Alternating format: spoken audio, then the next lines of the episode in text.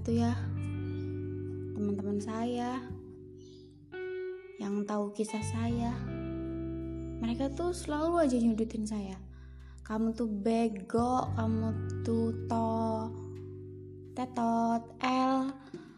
Terus kok mau sih nyakitin diri sendiri? Ih saya tuh gimana ya? Pengen banget jelasin ke kalian kalau saya tuh nggak merasa tersakiti loh. Saya senang aja ngelakuin ini. Saya senang aja gitu kalau bisa buat dia seneng. Walaupun saya nggak tahu sebenarnya dia seneng nggak sih sama sikap saya. Tapi tuh kalau ngejelasin sama mereka tuh ah percuma. Mereka nggak ada di posisi saya. Mereka nggak ngerasain jadi saya. Rasanya ngeliat dia senyum walau dari jauh. Walau bukan karena kita tapi kita tahu dia baik-baik aja tuh udah kita udah tenang gitu kan.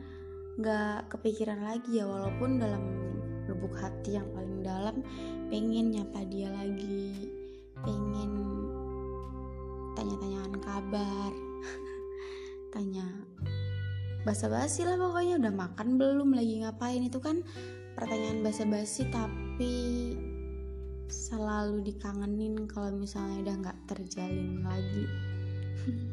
Uh, mau kalian ngomongin saya apa pun saya belum bisa bangkit dari zona ini. Saya masih kekurung di zona ini dan saya masih menikmati kok.